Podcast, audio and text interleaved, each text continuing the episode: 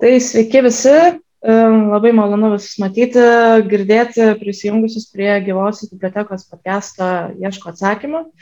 Aš esu Ugnė Mikalajūnaitė, šio epizodo vedėja ir šį kartą šnekėsime apie autizmą ir būtent autizmą, kuris pasireiškia vaikuose. Ir turiu tris puikius pašnekovus - tai Laura Linkevičinė, Vytauta Butėna ir trečią pašnekovę Laimą. Tai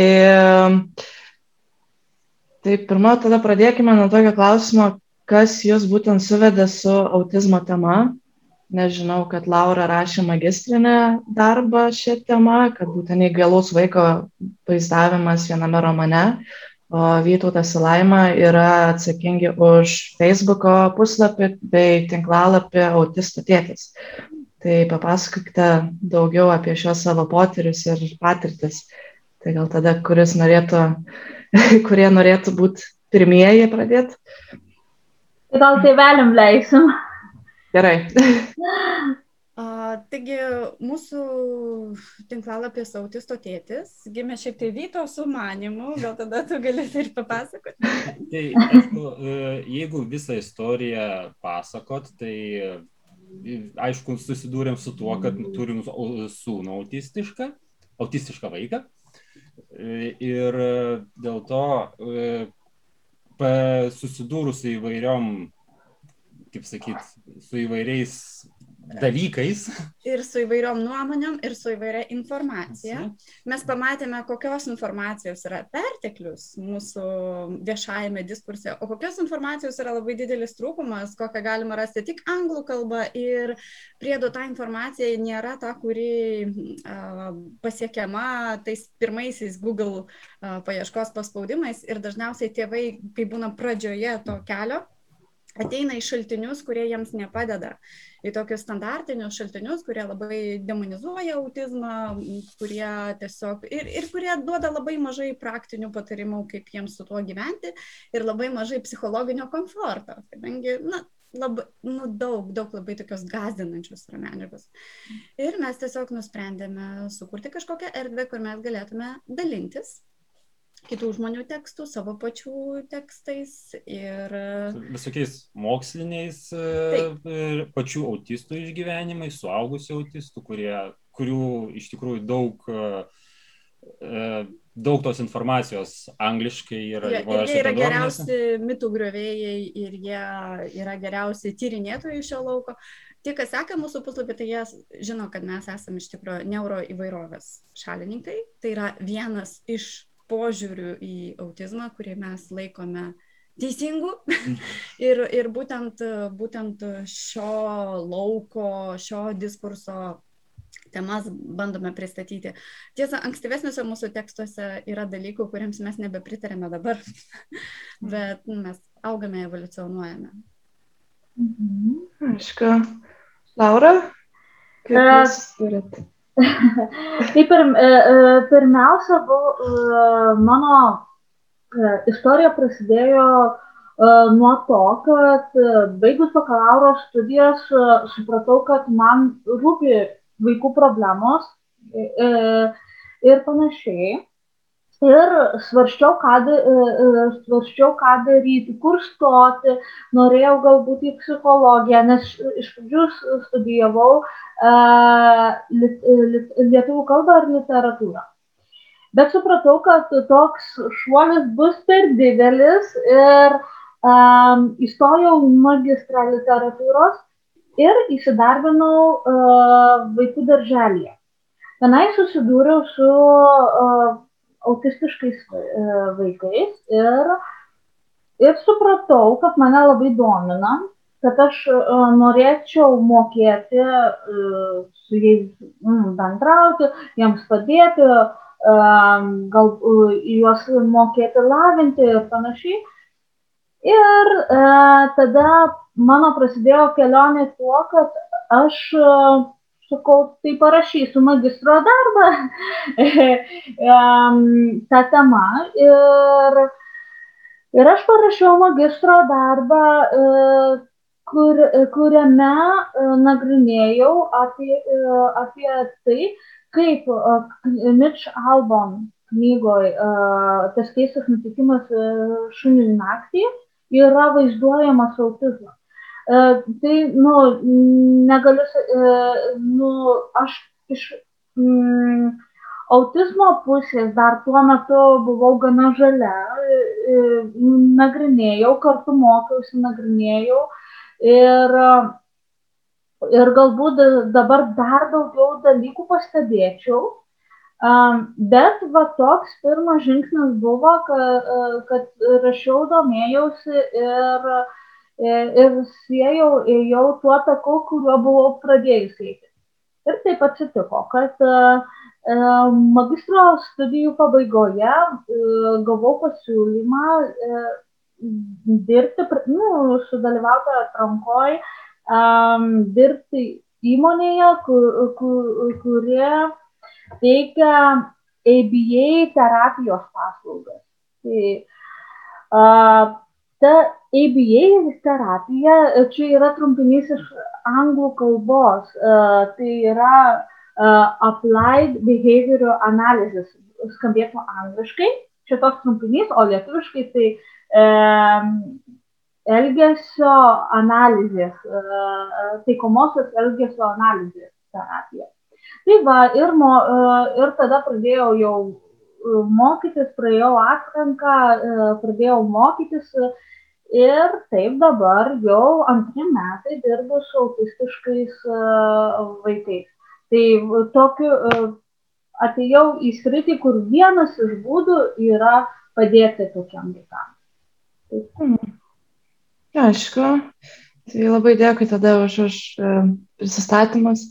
Tai turbūt pradėsim irgi dar nuo tokio klausimo, kuris dažnai žmonėms iš tikrųjų kyla, kas iš viso yra autizmo spektras, kuris dabar jau yra kaip įvardinamas ir kaip reikėtų įvardinti. Nes dažnai žmonės vis dar savo, kad va šitas žmogus serga autizmu, kas tai nėra lyga, tai nėra kažkas, kas žmogus stabdo tai yra spektras, tai yra autizmo spektras, tai kaip iš tikrųjų reikėtų teisingai kalbėti apie tai ir kaip nereikėtų kalbėti iš tikrųjų apie autizmo spektrą.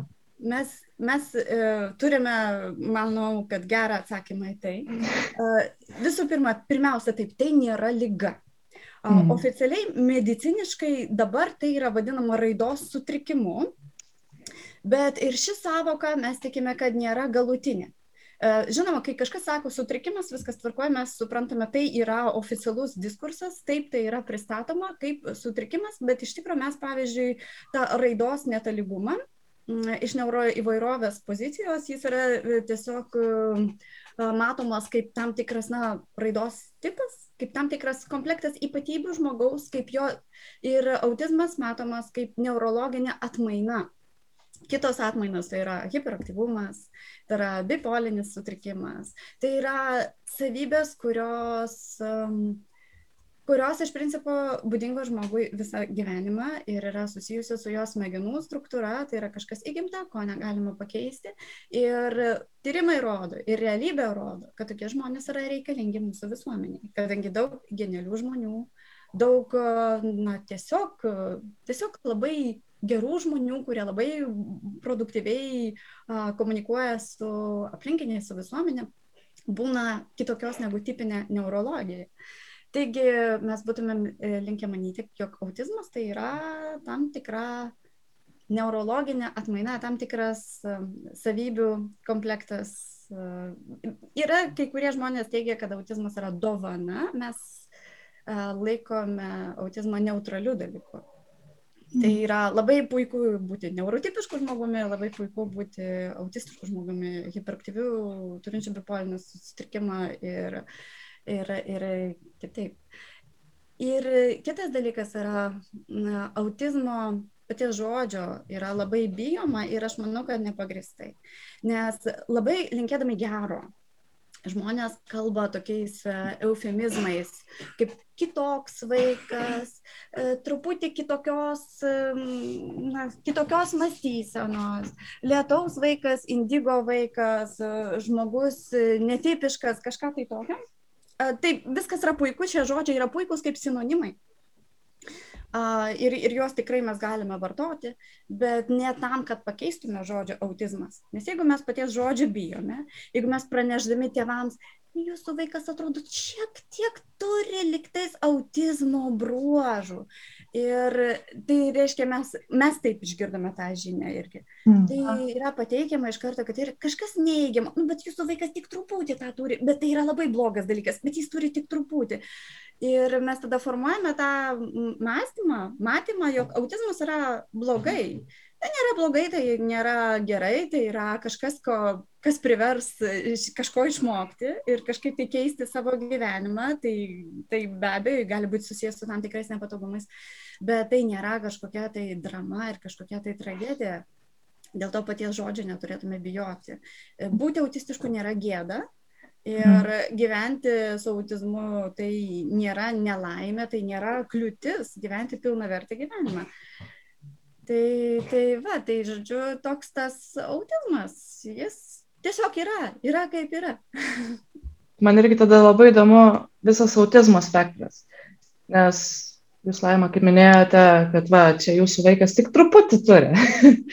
tai koks tas spektras gali būti. Aha. Čia galbūt ir Laura, ir, ir jūs žinosite. Jo, bet aš norėčiau pradėti, labai atsiprašau, Lauros. Viskas gerai. Viskas gerai. bet e, e, mes esame parašę straipsnį savo irgi tinklalapį apie būtent spektrą, apie tai, kas spektras yra. Nes daug kas supranta spektrą tai nuo truputį iki daug tokį kaip vieną liniją, e, kur va kažkokia tai gradacija, va yra vidutinės, yra, nu, iš tikrųjų tai mm, e, poreikiai palaikymo žmonių, jie būna labai įvairūs. Ir mes labiau matome ne kaip nuo truputį iki daug, o tarsi daugybę svirtelių, kur yra skirtingi, skirtingi dalykai, kurie vienų žmonių vienas dalykas gali būti išreikštas labai stipriai, bet tuo pačiu kitas bruožas gali būti išreikštas visai kitaip. Ir, ir ne tik stipriai, sil, silpnai, jie gali būti išreikšti skirtingai, pavyzdžiui, sensorinis jautrumas. Vienas žmogus negali klausytis muzikos, kitas negali be garsinės stimulacijos būti. Ir tai nepriklauso nuo to, ar žmogus yra kalbantis, ar nuo to, ar daug jis turi poreikio atlikti, sakykime, savistimulaciją, ką vadiname ten stereotipiniais judesiais dar kartais. Taigi, tarkim, gali būti, pavyzdžiui, žmogus nekalbantis irgi yra toksai stereotipas, kad jeigu žmogus nekalba, tai yra žemas IQ ir atitinkamai visi kiti labai dideli poreikiai, o jeigu žmogus kalbantis, tai ten jau aukštas intelektas, tai visiškai negalioja, nes gali žmogus būti nekalbantis, bet kai jis išmoksta komunikuoti, tarkim, rašydamas arba ženklais, paveikslėliais ar kitokiais įrankiais, jis parodo normalų arba aukštesnį negu, negu vidutinis intelektą ir jo sensoriniai poreikiai, pavyzdžiui, gali būti aukšti, bet galbūt jis puikiai orientuojasi aplinkoje ir jiems, tarkim, jam nereikia palydos kažkur tai einant, vaikštant. Galbūt jisai puikiai gali pakelti apsipirkimą arba netgi išmokti išbūti naktinėme klube. Bet tuo pačiu, sakykime, grįžęs namo jis bus taip išsekęs, kad jis negalės išsiplauti indų. Taigi tie tie, sakykime, sunkumai, su kuriais susiduria žmonės, nepatogumai, su kuriais jie susiduria, jie individualūs kiekvienu atveju. Dėl to, sakykime, autizm, autistų bendruomenėje labai žmonės e, priešinasi skirstimui e, autizmo į sunku ir lengvą. Yra siūlymas kalbėti būtent apie poreikius, apie pagalbos poreikius, konkrečius kiekvieno žmogaus atveju. Nes kai mes skirstame į lengvą ir sunku, tai tada taip gaunasi, kad e, sunkus autistai negauna šanso o lengvi autistai negauna pagalbos. Tarkim, su vaikais labai ryšku. Jeigu vaikas kalbantis, jeigu jis geba susivaldyti kažkokiose probleminėse situacijose, tai jau ir viskas jis yra paleidžiamas tiesiog į bendrą masę vaikų, be jokio asistento, be, jokio, tiesiog be, be jokios pagalbos ir jisai tiesiog perdega. Jis po to namuose, jį ištinka protrukiai ir tėvai mato, kad jam yra be galo sunku, jam yra labiau sunku negu kitiems vaikams atlaikyti mokyklą, bet jis negauna jokios pagalbos. Dėl to, kad jis lengvas ir jam pagalbos nereikia. Ne va, tai. Tai dėl to a, į spektrą žvelgti reikėtų kaip tokį sudėting, sudėtingą dalyką. Tai nėra va, toks spektras, kuriame gali nustatyti vietą, kur žmogus yra. Netgi ta mhm. vieta yra, žinot, kintanti. Dėl to, kad tam tikrų savo gyvenimo etapų žmogus gali nekalbėti, kalbantis žmogus. Tam tikrų gyvenimo etapų jis gali būti jautresnis tam tikriems dirgikliams. Ir tai, tai gali keistis dėl pagal jo psichologinę savijautą, pagal jo tiesiog gyvenimo etapo kažkokias tai aplinkybės. Taigi, taip, spektras, jis, spektras yra geras žodis, aš manau, kadangi va, būtent jisai labai aiškiai nurodo, kad gali būti visai. Ir mes mm. turėtume ir išlikti atviri tam, kad gali būti visai. Mm. Ir va minėjo tą, nu, gali vaikas, taip gal moksliškiau, va tas gali būti hiper jautrus arba hipo jautrus, tai vadinama, jeigu, ir tai yra ne taip jau ir sunku pastebėti, kas, ko vaikas siekia, ko jam trūksta, sakykime, jeigu vaikas mm, E, pavyzdžiui, e, kažkur e, siekia vaizdinės kažkokios stimulacijos, tai galima įtarti, kad jam trūksta, kad jisai, kad jam to va, būtent trūksta. O jeigu vaikas kemšasi ausis nuo muzikos, tai suprantam, kad jau jį dirgina ir, ir kelia stresą. Tai visiškai mamai pritariu dėl to ir yra pasirinktas tas spektras, nes tas labai didžiulis mitas, kad e, jeigu vieną autistą pažįsti, tai pažįsti ir visus. Iš tikrųjų, tai visi tokie skirtingi. Aš e, jau dirbusi darot su kokiam septyniam šeimom, su, e, su septyniais kokiais vaikais, tai, nu, tai kai kurie kaip diena ir naktis. Ir ir, sakykime, mano darbe mes kiekvienam vaikui rašom individualią programą, labai žiūrim, kas tam vaikui individualiai, individualūs įvairiausi apdovanojimai, individualūs prieimai prie vaiko, kas jam įdomu. Net, pavyzdžiui, aš nu, mes taikom tokią e, kartais e, žetonų sistemą, e, tai net aš pagal vaiko poreikius gaminu žetonus, kad, sakykime, žinau, kad vienas vaikas mėgsta tą. Tai, nu, sakykime, viena mergaitė būtent kažkokią princesę mėgsta. tai Ir tai yra visiškai tas pats, kas nuo vadinamų neurotipinių žmonių. Nes, nes kaip ir, ne, nu, aš sakau, labai pritariu, kad tas autizmas yra nu, tikrai, ne, tikrai neliga jokių būdų, jokių būdų ne, ne lyga, tai yra tikrai kažkokia neurotipinė įvairovė, nes ir tenai viskas vyksta taip, kaip vadinamų neurotipiškų žmonių pasaulyje. Visi jie yra skirtingi ir kaip mes esame skirtingi, taip ir autistiški vaikai yra skirtingi.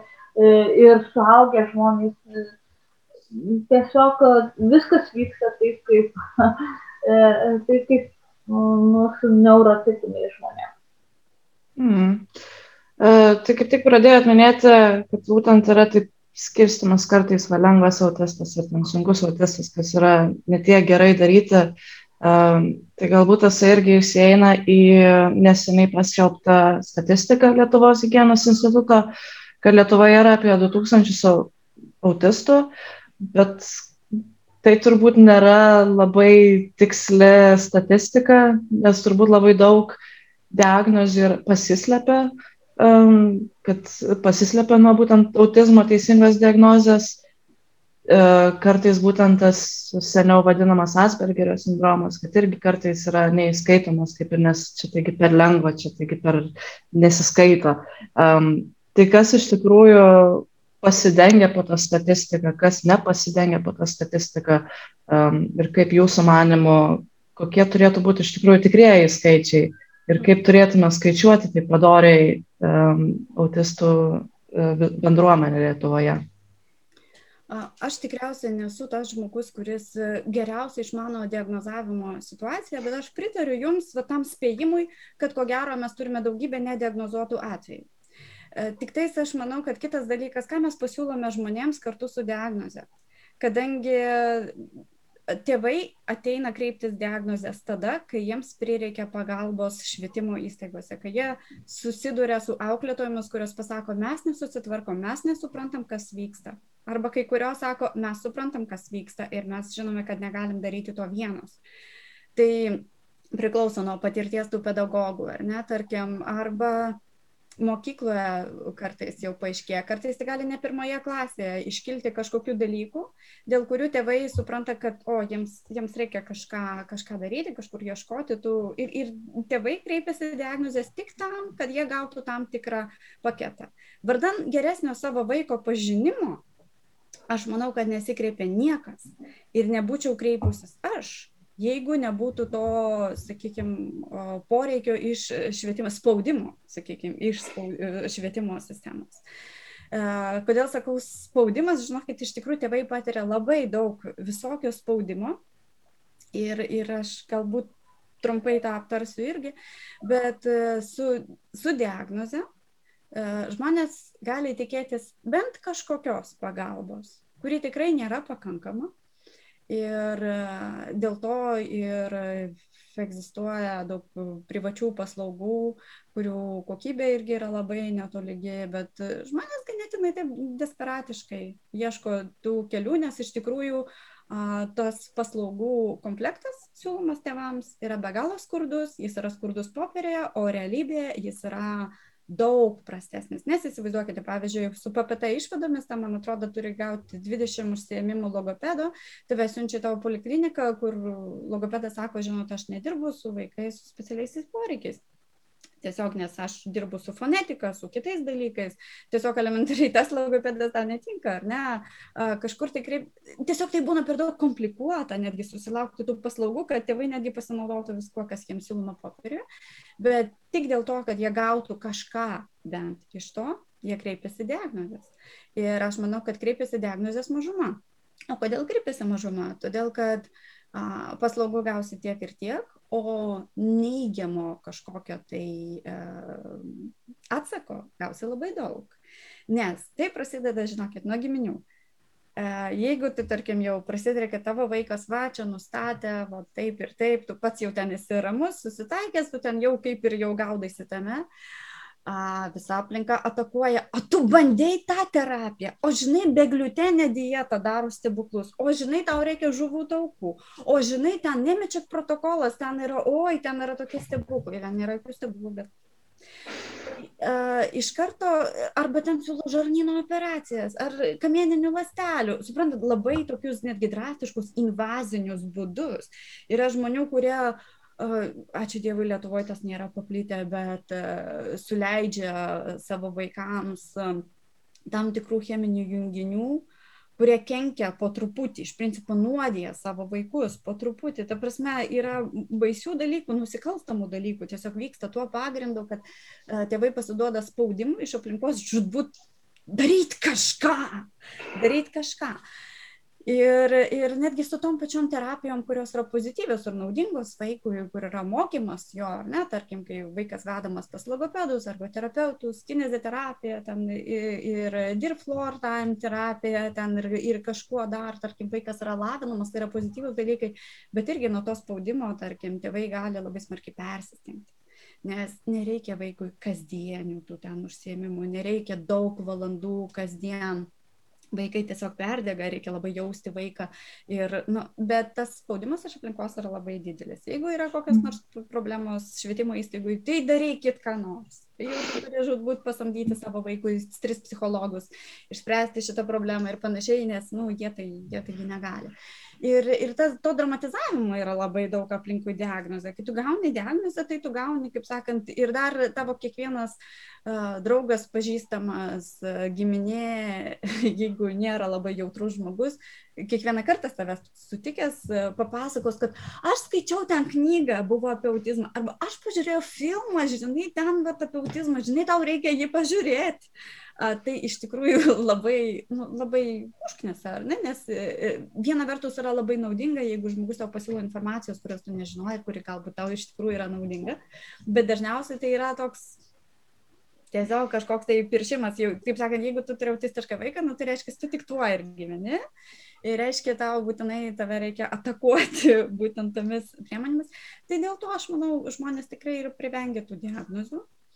Ir aš, ačiū Dievui, mes nesusidūrėme, bet kiti susidūrė ir su dideliu priešiškumu savo aplinkoje, ir su tokiu neprieimimu, ir atstumimu tiesiog. Ir, ir žmonės tikrai neskuba gauti diagnozų. O aš manau, kad kai mes turime žvelgti į statistiką, aš manau, kad mes turėtume labai ramiai reaguoti į tai, kad jinai didėja. Ir mes turėtume į tai net, net neramiai reaguoti, mes turėtume į tai pozityviai reaguoti. Kadangi jeigu mes suvoksime, kad Lietuvoje yra ten ne pora tūkstančių autistiškų žmonių, o kad jų yra dešimtis tūkstančių. Jeigu mes tą suvoksime, tai galbūt mes kažką ir padarysime paslaugų srityje.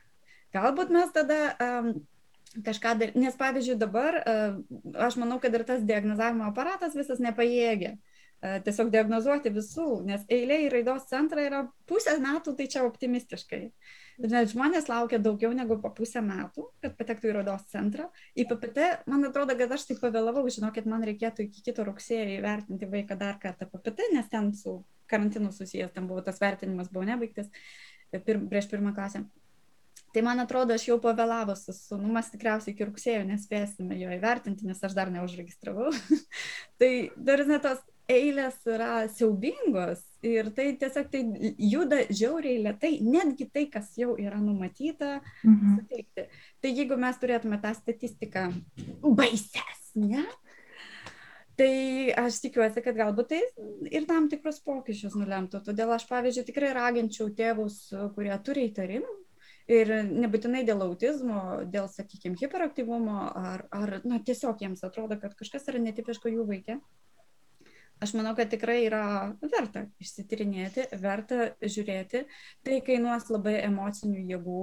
Tuose įstaigose tikrai tėvai sužino viską, ką jie daro blogai gyvenime ir tai nebūtinai tiesa. ir tai kainuoja emocinių jėgų ir su tuo irgi kažką reikia daryti, nes tas nejautrumas, jis labai apsunkina šeimai tą pradinį etapą, kažkaip tai adaptavimuose su tą žinia bet tas, tą statistiką reikėtų tikslinti, nes aš tikiuosi, kad pamatę skaičius, a, tada imsimės kažkokių ir veiksmų. Mm. Taip, tikrai tie 2000 yra labai sumažintas skaičius, tikrai, tikrai e, netikslus, nes vien aš kiek e, savo darbę susidūrus kartais e, vienoje darželio grupėje būna du vaikai net. E, ir, ir jeigu paimtume, kiek tų darželio grupių yra, sakykime, per darželį vieną kokie septyni, aštuoni vaikai, tai jau, nu, tikrai tai neatspindi tikrovės Ir jeigu, kaip mama sakė, e, intensyviau e, ir drąsiau e, tėvai vestų vaikus tirti, pasižiūrėti, ar jeigu mato kažką netipiško, tai manau, kad turėtume tikrai daug didesnius skaičius ir, ir, ir iš tikrųjų Tai jau, jau galim matyti tokias, nu, prošvaistas, kad jau sklinda žinia, jau va tokie ir projektai, kai, kaip čia mes susirinkome kalbėti, tai vien tas tikriausiai dabar pastebėjot, kad daugiau tos kalbos yra apie autizmą, kad didesni skaičiai. Tai vien, vienas, dėl to, vienas faktorius yra todėl, jog pagerėjo ta, ta diagnozacija, pagerėjo žinios apie, apie autizmą todėl jų daugiau aptinkama. Jeigu mes pasikapstytume prieš 20-30 metų, jų irgi buvo tų autistiškų žmonių, tik uh, jie buvo sunkus vaikai, nei, ale neišauklėti, uh, arba, nu, va, kaip mama sakė, uh, tada pradeda visi mokinti, sužino, kad uh, tėvai daug ko nemoka, auklėjimo visas klaidas ir visą kitą. Tai, tai taip, dabar, kai aš sus, susidūriau su tuo, įgavot šiek tiek žinių, tai aš žinau, gal, tarkim, turiu įtarimą, kad net aš turėjau klasių klasioką, kuris galėjo turėti, bet jam nebuvo diagnozuota, nes tuo metu dar tiek žinių nebuvo ir, ir apskritai galbūt tų specialistų tiek nebuvo, kurie galėtų tai daryti. Tai, tai statistika kol kas dar yra nelabai tiksli. Dar tikrai yra kur mums šiek tiek tobulėti, tiek su diagnozavimu, tiek ir su, su visom statistikom. Tai labai tada įdomu, kaip iš tikrųjų atrodo gyvenimas su vaiku turinčiu autizmą. Nepaisant visų spaudimo iš išorės, nepaisant visų tenais stėtų sakymą, nu tai čia skiepai turbūt kažką jau pridarė. Um, tai kaip, kaip gyvenimas atrodo, kokia yra kasdienė diena su, su jūsų vaiku ypač? Na mes patiriame visus tuos tėvystės džiaugsmus, kokius patiria, manau, ir tėvai, kurie augina neurotipinius vaikus. Aš matau šeimų, kurios tikrai patiria labai daug iššūkių, nes iš tikrųjų turi išmokti turi išmokti ir turi suprasti, kad e, tavo vaikas nebus taip, kad jeigu jis pasielgia netinkamai, tu sureaguosi griežtai ir viskas bus gerai. Mes esame taip mokomi, kad mes tiesiog kažkaip ne, netoleruojam kažkokiu tai ne, ir, vat, e, ir paskaičius kokiu nors ten, e, žinomų, edukologų, kažkokiu tai psichologų, sakykime, patarimų. Aš visą laiką labai domėdavausi tą visą pedagoginę literatūrą. Ir, ir dabar matau, kad labai daug kas neveikia mums autistišką vaiką turi auklėti kitaip. Ir mums labai pasisekė, kad mums labai mm, pavyko taip persiorientuoti ir, ir suprasti savo vaiką. Ir kai mes nustojome mėginti modeliuoti jį, kai mes nustojome mėginti laikytis to principo, kad jau jeigu aš pasakiau, tai jau turi būti ir vykdyta.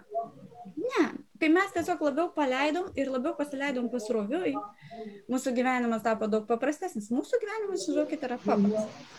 Mums, pavyzdžiui, pandemija, nu, man labai liūdna, kas vyksta pasaulyje, man labai liūdna dėl uh, tų, ką, ką tai paveikia, dėl žuvusių žmonių ir dėl uh, tų, kieno, sakykime, gerovė nuo to labai nukentėjo. Bet mums tai, žinokit, mana iš dangaus, nes taip labai leido mums gyventi tokiu labai komfortišku, lėtų ritmu, daug būti kartu, daug būti namuose.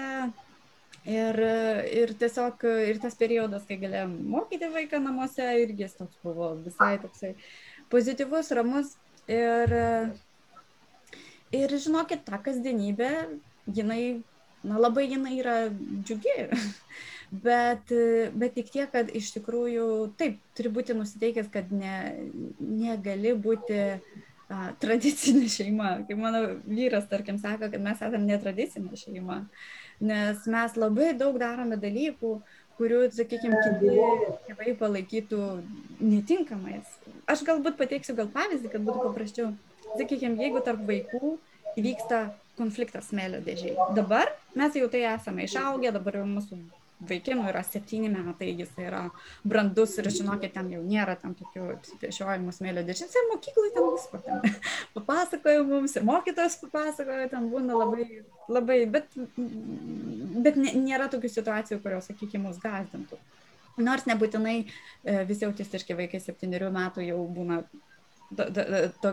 tokiame ramiame psichologinėme stovyje, nes iš tikrųjų tai priklauso ne nuo autizmo, nuo nerimo, kai tarkim kažkokie tai įtampos su kitais žmonėmis vyksta.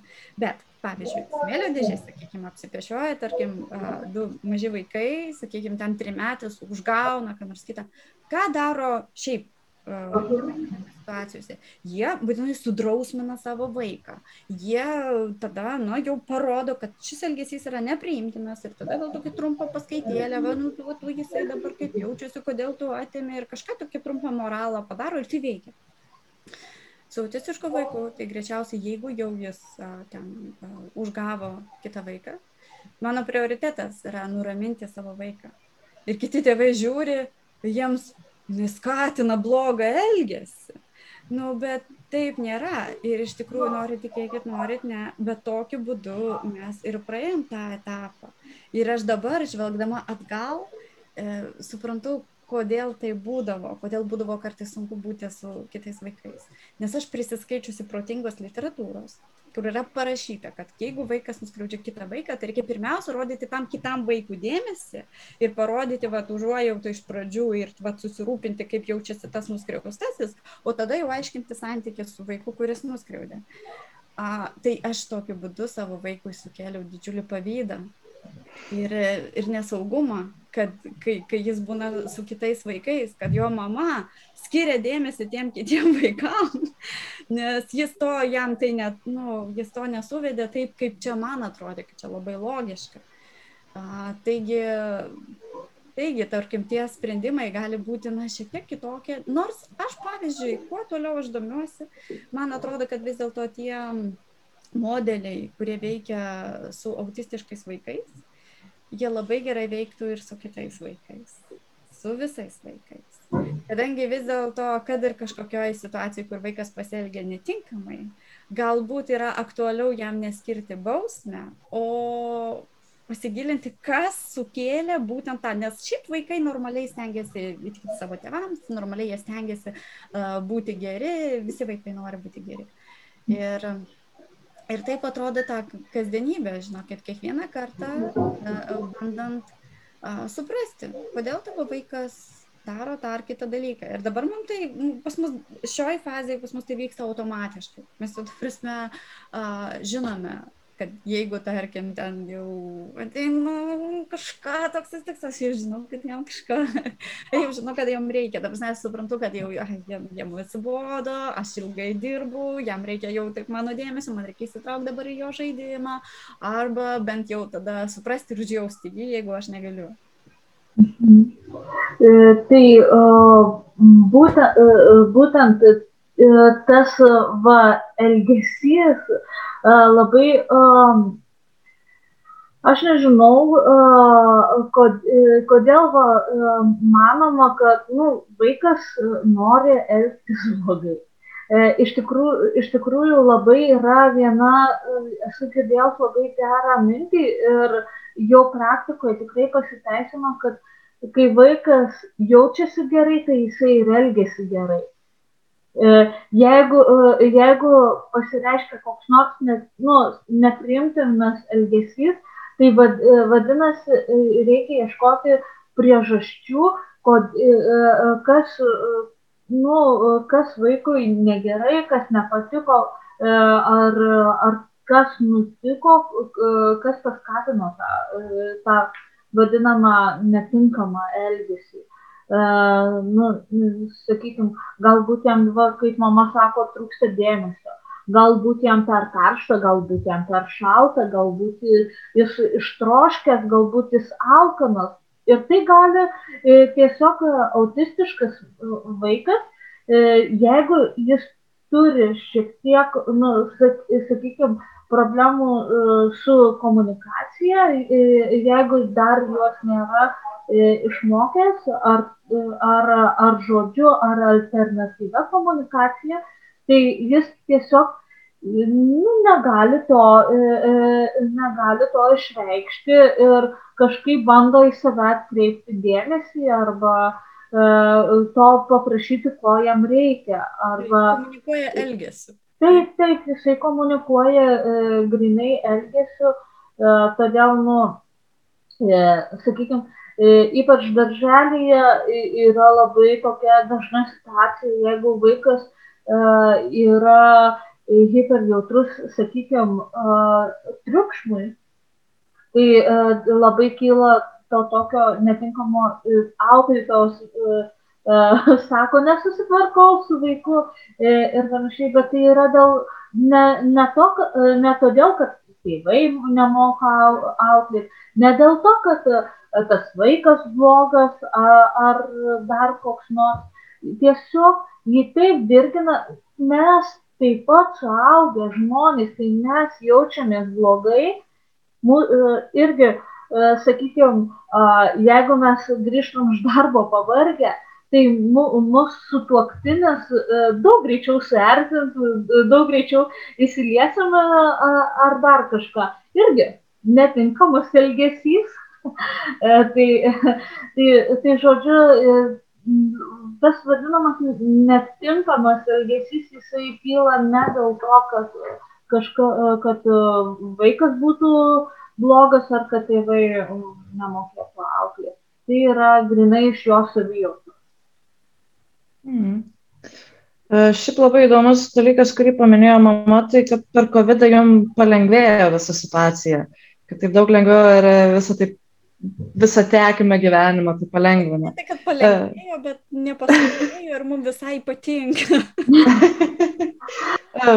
Šiaip kaip tai galvojau, kad turėtų būti sunkiau pradžioje, nes viskas pasikeičia.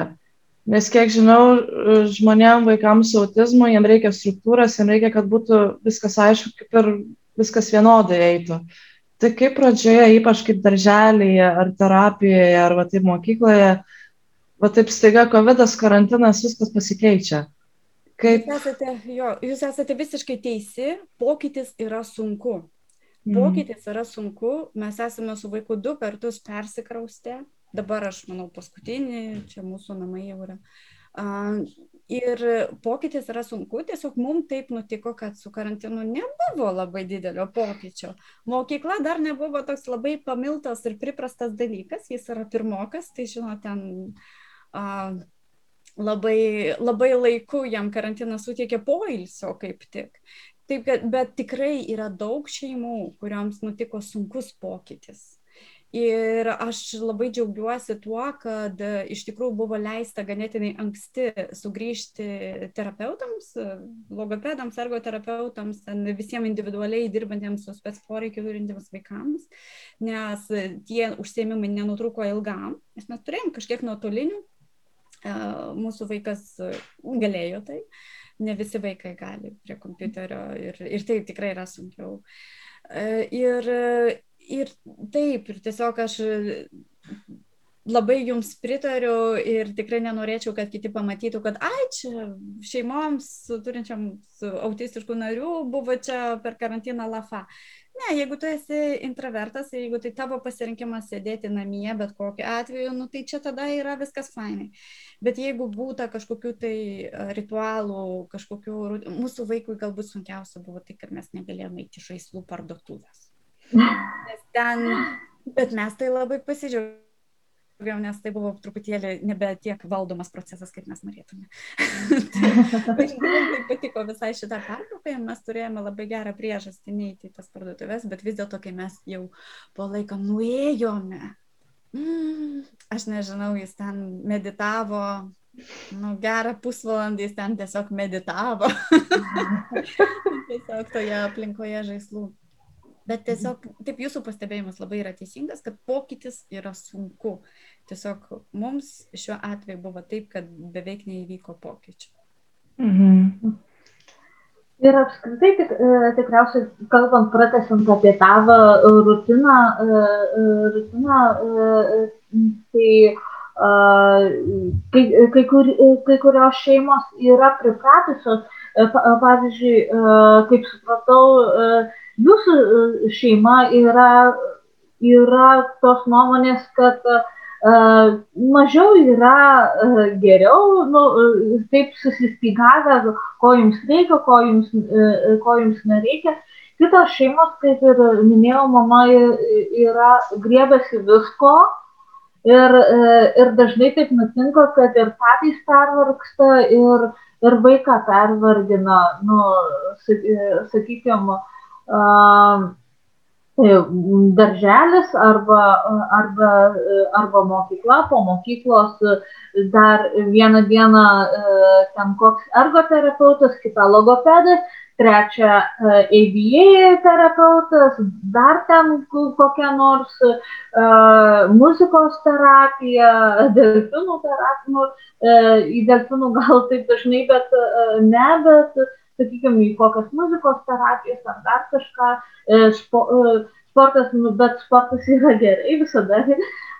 Tai e, judėjimas vaikams reikalingas, bet va, šitie, kur vaikas papildomai mokosi, tai yra, nu, ir per karantiną išėjo, pirmojo karantino metu išėjo iš tos dienotvarkės tos šeimos, Ir tai tikiu, kad buvo labai daug streso. Mhm. Jūs paminėjot labai tokį įdomų dalyką - delfinų terapija. Kas čia per, kas čia per terapija? Ai, atsiprašau. Delfinų terapija, e, tai žinau, kad vaikai nu, bendrauja su, su delfinais. Net ne tik, bet ne tik autistiškiem vaikam, bet apskritai žmonėm labai delfinai yra tokie, na, raminantis, e, stresą nuimantis e, gyvūnai. Sakykime, nu, nežinau, ar esat kada nors lankęsi Tai yra, nu, tokie, pripažinta, kaip vieni draugiškiausių gyvūnų, nu, tiesiog žmonės šalia jų atsipalaiduoja. O tai ir yra svarbiausia autistiškiam vaikam, kad kuo daugiau nuimti nerimo nuo jų, uh, nuo jų, sakykime, galvos, iš, uh, kuo, uh, kuo labiau nuraminti, uh, nustresinti. Vien, e, nes vienas iš pagrindinių mano e, darbo ir aspektų yra, kad e, pirmiausia, reikia susitvarkyti su vaiko stresu. Jeigu, jeigu nes patikėkit, autistiškas vaikas labai daug jo patiria. Mes, mes tikriausiai nu, net nepamatuosim savo, žmogų, savo galimybėm sakykime, jeigu e, vaikas e, e, jautrus triukšmui, tai jisai, nu, ten įsiderina triukšme, tada galbūt jam sunku kažkas moksluose, dar streso, po to jisai iš to streso kažką netinkamo padarė, tėvai supyko, dar streso ir panašiai, todėl todėl va mama ir gerą būdą atrado kad pirmiausia vaiką reikia nuraminti savo e, nuimti jam stresą ir tada tu galėsi su juo susi, nu, susikalbėti ir, ir viską įsiaiškinti ir jis tada viską supras. Arba, sakykime, mokytis. E, kartais labai didžiulė klaida yra, e, kai ar mokytojai, ar tėvai mokydami labai, nu, taip griežtai, nu, aš sakau, kad gana e, tokia klaida, kad per daug griežtai. Ir reikia, tvirtumo reikia, bet kantrybės, gal, e, e, jeigu jau esi pasiryžęs, jeigu prisėmė atsakomybę lavinti autistišką vaiką, tai būk mielas, apsišarvuok e, geležinę kantrybę, nes tu gali pridaryti dar, e, dar blogiau. Jeigu jeigu nesusivaldysi ir, ir sakykime, užkrausi dar daugiau streso tam vaikui, tai pridarysi dar blogiau. Tai vienas iš pagrindinių dalykų - apsiginkluok kantrybę ir nesiseka, bandom dar kartą, ne, nesiseka šitų būdų nes, nesupratai, bandom kitą būdą, jeigu pavargai, jeigu nuobodu, irgi darom pertrauką. Svarbiausia, ne, nu, neperspausti. Mm. Tik tada irgi apie stresą ir elgesį su, va, tokiai, su autistiškais vaikais turbūt iš tikrųjų autistiškiam vaikam didžiausias stresas kyla švietimo sistemoje, nes tenais vis tiek daugiausia yra pritaikyti neurotipiniam vaikam. Tai Aš kaip elgtis? Pritaikyti yra ir neurotipiniam vaikams. Niekam nepritaikyta. Tai kaip reikėtų elgtis su tokiais vaikais ir kaip pagerinti galbūt netgi švietimo sistemą, tą būtent aplinką, kad integruoti geriau vaikus ir kaip pagerinti visą situaciją, nes streso kyla visiems. Tai ką daryti? Gal turit kokių idėjų? Aš turiu idėjų, aš manyčiau, kad Laura labai atsakė netgi į šitą klausimą, pabrėždama, kad nerimas, iš tikrųjų ta įtampa, tas stresas, kurias patiria vaikas, iš tikrųjų tai yra, nu, tai yra raktas. Ir tarkim, e, aš labai dažnai girdėjau iš darželio, kad mano vaikas iš niekur nieko. Aš jiems sakiau, nebūna iš niekur nieko. Ir tiesiog e, iš tikrųjų tas žinojimas, kad nebūna iš niekur nieko, jis yra raktas. Dabar, pavyzdžiui, yra ketinama ten nuo kelintų, 2024 metų visus suvaryti bendras klases. Aš sakau suvaryti ir į tai žvelgiu gana negatyviai, kadangi aš, es, aš tikiu įtraukiuoju ugdymu. Aš norėčiau, kad mano vaikas turėtų ir neurotipinių draugų, uh, E, dabar jis yra specialiojoj klasėj, ten irgi nėra idealus, suprantat, tai irgi nėra idealus sprendimas. Geriausia būtų, kad visi vaikai galėtų mokytis draugė. Ir yra, nu dabar tėvai daugiausia dėjoja, kad trūkumas specialistų, mokyklos nebus pasiruošusios ir bet kalbama yra, kad koks tas ruošimas.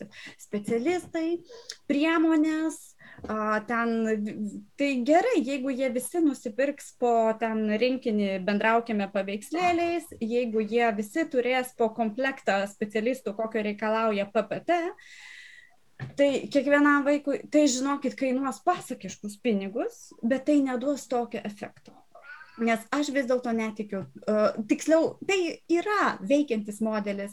Jeigu mes paskiriam vaikui visus specialistus ir visi tie specialistai aplink vaiką, jo orbitoje daro tą vaiką įmanomų ir patogių kolektyvui.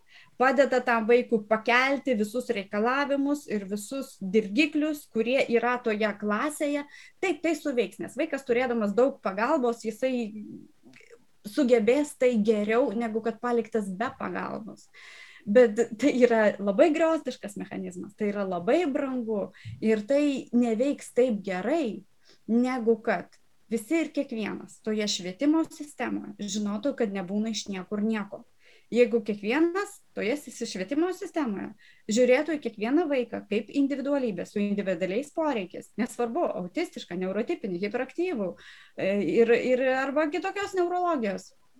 Ir jeigu a, kiekvienas prezumuotų, kad vaikas gali, jeigu kiekvienas prezumuotų, kad vaikas yra geras ir jis tengiasi elgtis gerai, a, kai gali, su tuo supratimu, su žiniom, su supratimu kaip padėti vaikams, kurie patiria didelį stresą, neprireiktų, aš manau, kad neprireiktų tokių didžiulių pajėgų ir neprireiktų tokių kažkokių milžiniškų pertvarkų.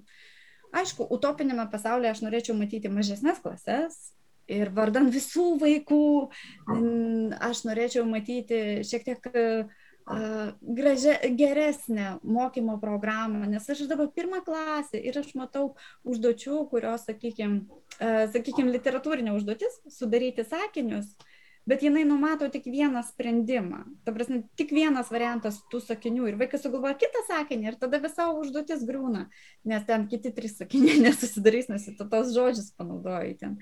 A, tai, tai jeigu būtų Aš manau, kad mes dar nepamatysime to šiaip tai ir man atrodo, kad ateis tie 2024 metai su daug streso ir ten bus tos mokyklos nepasiruošusios ir vėl kažkaip. Ir kiekviena šeima atkovos kažkaip už savo vaiką ir tiesiog namuose padarys viską, kad tas vaikas atėjęs ten į mokyklą sugebėtų ten gauti ir naudos dar. Ne tik, kad būti ten. Tai, e, tai kaip elgtis? Atsakant tiesiogiai į klausimą, aš manau, kad jeigu taip universaliai, kaip elgtis pedagogams, kaip elgtis tėvams, kaip elgtis klasės draugams ir tiesiog prašalaičiams, tai galbūt pamatinis toksai principas yra gerbti kiekvieną žmogų, koks tas žmogus bebūtų. Netgi jeigu to žmogaus yra labai žemas IQ arba jeigu jisai, jo komunikacijos būdai yra tau visiškai nesuvokiami, žmogus yra žmogus. Tai pradėkime nuo šios pozicijos. Ir, ir nėra kažkokiu tai, kaip, kaip tau elgtis autistišku žmogumi, tai pirmiausia, galbūt tu esi toje pozicijoje, kur tavęs niekas neverčia kažkaip eiti į tą glaudų santyki. Ir iš tikrųjų tai natūraliai mesgasi santykiai tarp žmonių. Ir galbūt yra tas raktas bandyti, bandyti suprasti kiekvieną žmogų tokį, koks jis yra. Ir nesvarbu, kaip jis yra įvardintas tas žmogus, nes visi mes esame skirtingi. Mhm.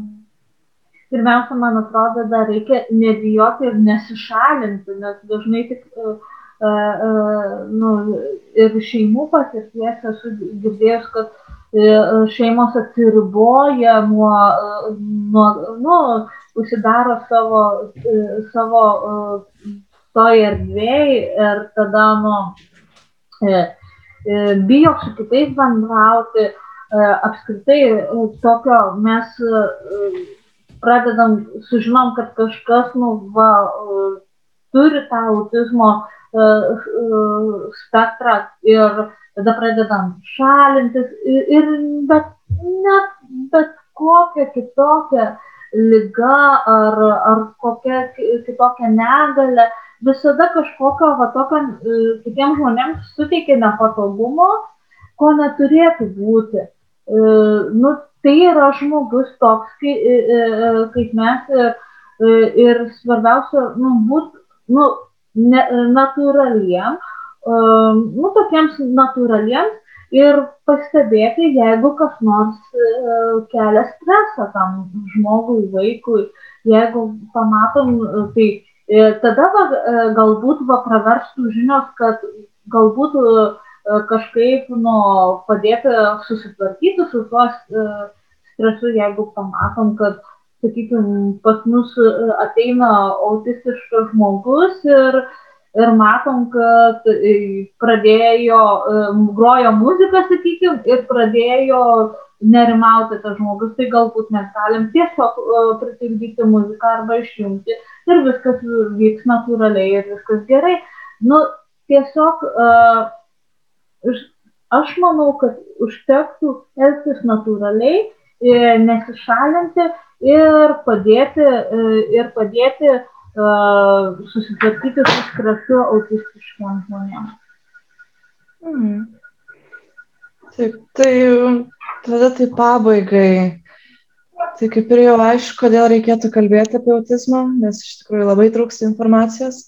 Tai ką galėtų žmonės padaryti šiandien, kad sužinotų daugiau, kad galėtų iš tikrųjų padėti gerinti visuomenę, kad tiktų jinai vis, visiems neurologinių tipų asmenėms ką būtent šis žmogus galėtų padaryti, iš kur galėtų sužinoti daugiau informacijos ir kažką pakeisti savo aplinkoje. E, žinote, aš tai manau, kad tai labai ilgas kelias e, mm. gilintis atskirai į kiekvieną būseną, nes e, taip, va, mano vaikas yra autistiškas, tai aišku, aš dabar pritvinkus tų žinių apie autizmą, bet aš suprantu, kad aš to negaliu reikalauti iš kiekvieno visuomenės nario, kad būtent mano autistiškam vaikui skirtų, tarkim, savo, savo dėmesį, savo laiką ir studijuotų būtent, būtent apie tai. Aš manau, kad galbūt trumpesnis kelias būtų tai, ką aš jau ir minėjau, priimti žmonių įvairovę, įvairovę plačia prasme. Nes, tarkim, va, šiandien biuros ar ne vyks toksai renginys, į kurį žmonės rinksis vedini labai įvairios motivacijos. Ir kai kurie galbūt iš tikrųjų tikėdami tiesiog tam tikromis pozityviamis idėjomis ar norėdami pozityviai praleisti laiką su savo šeima, o kiti tiesiog vedini neapykantos kitokiems, kurie irgi nesirinko būti kitokie. Ir aš manau, kad tai yra vienas dalykas. Mes irgi kaip tik nesiniai rašėme apie tai. Yra vienas dalykas tiesiog priimti žmogų koks jis yra, priimti žmonių įvairovę, suprasti, kad motyvai gali būti skirtingi, priežastis gali būti skirtingos. Jeigu ten žmogus tavo akivaizdoje labai ten atrodo, kad neadekvačiai supyko ar ką, tai duok laiko ir galbūt laikas parodys, kasgi ten įvyko, galbūt iš tikrųjų tas žmogus patyrė ką nors faktiškai fiziškai, kas sukėlė tokią būseną, tai nebūtinai buvo kažkoks piktas ar ne poelgis tiesiog leisti žmonėms būti.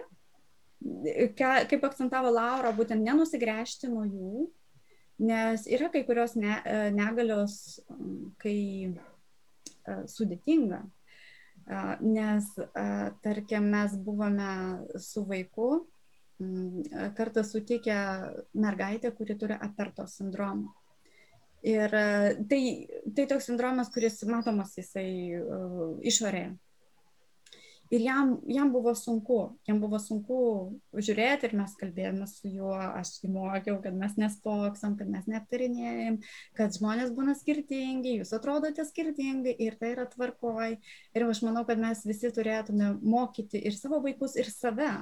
Priimti tą įvairovę netgi jeigu netgi jeigu kartais tarkim tas instinktyvus mūsų pirmas atsakas gali būti neigiamas į tai Ir, ir aš manau, kad tai išspręstų daugybę problemų mūsų visuomenėje, ne tik, ne tik tarkim, skirtingus neurologijos žmonių palaikymo, bet ir apskritai padarytų tą visuomenę tiesiog pato, nu, draugiškesnė kiekvienam. Taigi aš manau, kad tikslas yra bendras tikslas, tai ginti žmogaus teises ir priimti visuomenės įvairovę ir, ir puoselėti ją. Aš visiškai uh, pritarčiau, kad nu, uh, svarbiausia su visuomenės požiūrį reikia susitvarkyti, kad uh, kai pagaliau suprasom, kad pasaulis yra įvairus ir neturi, neturi būti toks, ko, ko, kokį mes jį įsivaizduojam, tai nu, mes ir kad visokių yra aplinkui ir Ir tikrai tada tas nei autizmas, nei bet kokia kitokia ar lyga, ar kitoks izmas nebus uh, uh, mums baubas. Mm. Tai tada šią labai pozityvę, pozityvę natą, taip ir užbaigsime šiandienos pasikalbėjimą. Tai labai dėkui pašnekovams, labai dėkui iš visą informaciją, sužinojau tikrai daug. Um, labai, labai smagu buvo pabendrauti. Tai tada labai dėkui visiems klausytojams, visiems žiūrovams ir tada iki kitų susitikimų. Dėkui. Ačiū, buvo labai malonu. Ačiū.